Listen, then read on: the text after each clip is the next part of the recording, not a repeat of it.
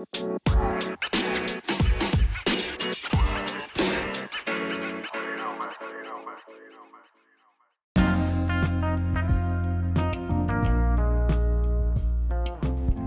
evening, football fans. It's your host, TKO, and this is another edition of Madden Talk of the Water League, and this is now the conference round. So, there's four teams left Chiefs, Browns, Falcons, and the Packers. Which one would make it to the Super Bowl? And if you have my pick, I'm going to say Browns for the AFC and the Falcons for the NFC. And the only way that can happen if the Browns play like they played this season, not the rest of the season they played beforehand, where they played very shitty. Is play it like they did this year. Good defense, even better offense. Zero mistakes. You can't make fucking mistakes. I am really putting faith into the Browns team, and that is saying a fucking lot. I don't put my faith in no damn team. The Chiefs are pretty decent. I'll give them that, but I'm about to curse them, so now it ain't gonna be any type of chance of them winning.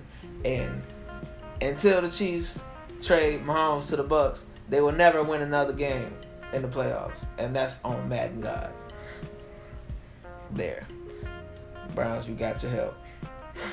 And between the Falcons and the Packers, if the Falcons don't produce any fucking offense, they can't expect to win a damn game. Defense ain't gonna save you this time against a well-rounded team. But I feel like Falcons might pull it off eventually. That would probably be the closest game out of the two games that are going to be played by tonight. It might be a blowout between the Chiefs and the Browns, but I don't know who's going to get it. I can say the Browns, but the Browns could just choke up and then the Chiefs end up winning because the Chiefs been in the championship for like fucking four four seasons in a row. That's consecutive. But they never made it to the Super Bowl. So I don't know. This may be their year. The Browns feel like they're underdog, but in reality, it's the Chiefs. The Chiefs got it all against them. Even though this is the Browns' first time making it to the conference round, they not the underdogs. It's the goddamn Chiefs, man. Damn. The coach could not do it the last time he was here in this place. Granted, this is the first season of Madden 20, but usually the user skills never change and the intensity never changes. And he's been really ass when it comes to fucking putting the game on the line. This is it. Next the next win, you're in the Super Bowl. He's gonna struggle. It's pressure. It is pressure. He's gonna have to play different. He can't keep on running that shit from the outside. He's gonna have to play with common sense. Da-da-dum. That sounded scary. Because he usually doesn't play with common sense. That scares him.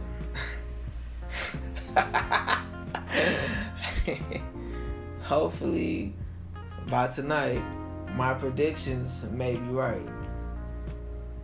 Maybe Browns win by 21 plus. Maybe they get blown out by 21 plus. But I gotta pick a side. Browns, hmm, close game. 28-21. Won't be a blowout.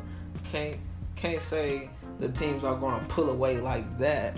That shit would be crazy. The defenses are crazy, so I really couldn't expect that. And most of these, both of these teams, they offense are really mistaken prone. So I don't, and I don't think you know they'll be to the point where it's like, God damn, the Browns got 42 and the Chiefs got seven. I would never fucking hear that. If I do, I would just give my team away right now. And against the Falcons and the Packers, I really hope it makes the outcome how I think it is. I feel like the Falcons might pull away. I feel like that's to be a, another close ass fucking game because if the Falcons play the defense like they've been playing all year, and the Packers continue to play like they've been playing, And shit. Ooh, so glad. The Falcons wouldn't have to deal with the goddamn snow because they'll struggle. But the game still be close. Probably like 21, 21 17, something like that. That sounds more predictable and very, that makes more sense to me. So, we have it set. Super Bowl will be against the Browns and the Falcons. Now, who would not want to see that? And hopefully, Falcons don't go to the Super Bowl and blow a fucking lead. Yeah, yeah. And side note, I heard that two little crackheads try to make another show up in smoke. They need to shut that shit down because that shit's not coming to Waller League anytime soon. Up in smoke is already in the air. Smoke, blow it away. Bye, bye. All right. Hopefully, I see in the Super Bowl or in the off season. I will continue to sit with the rest of the 27 teams on the off season couch cheering on whatever team who looks like they're gonna win because I'm gonna be a bandwagon this year. All right, TKO out.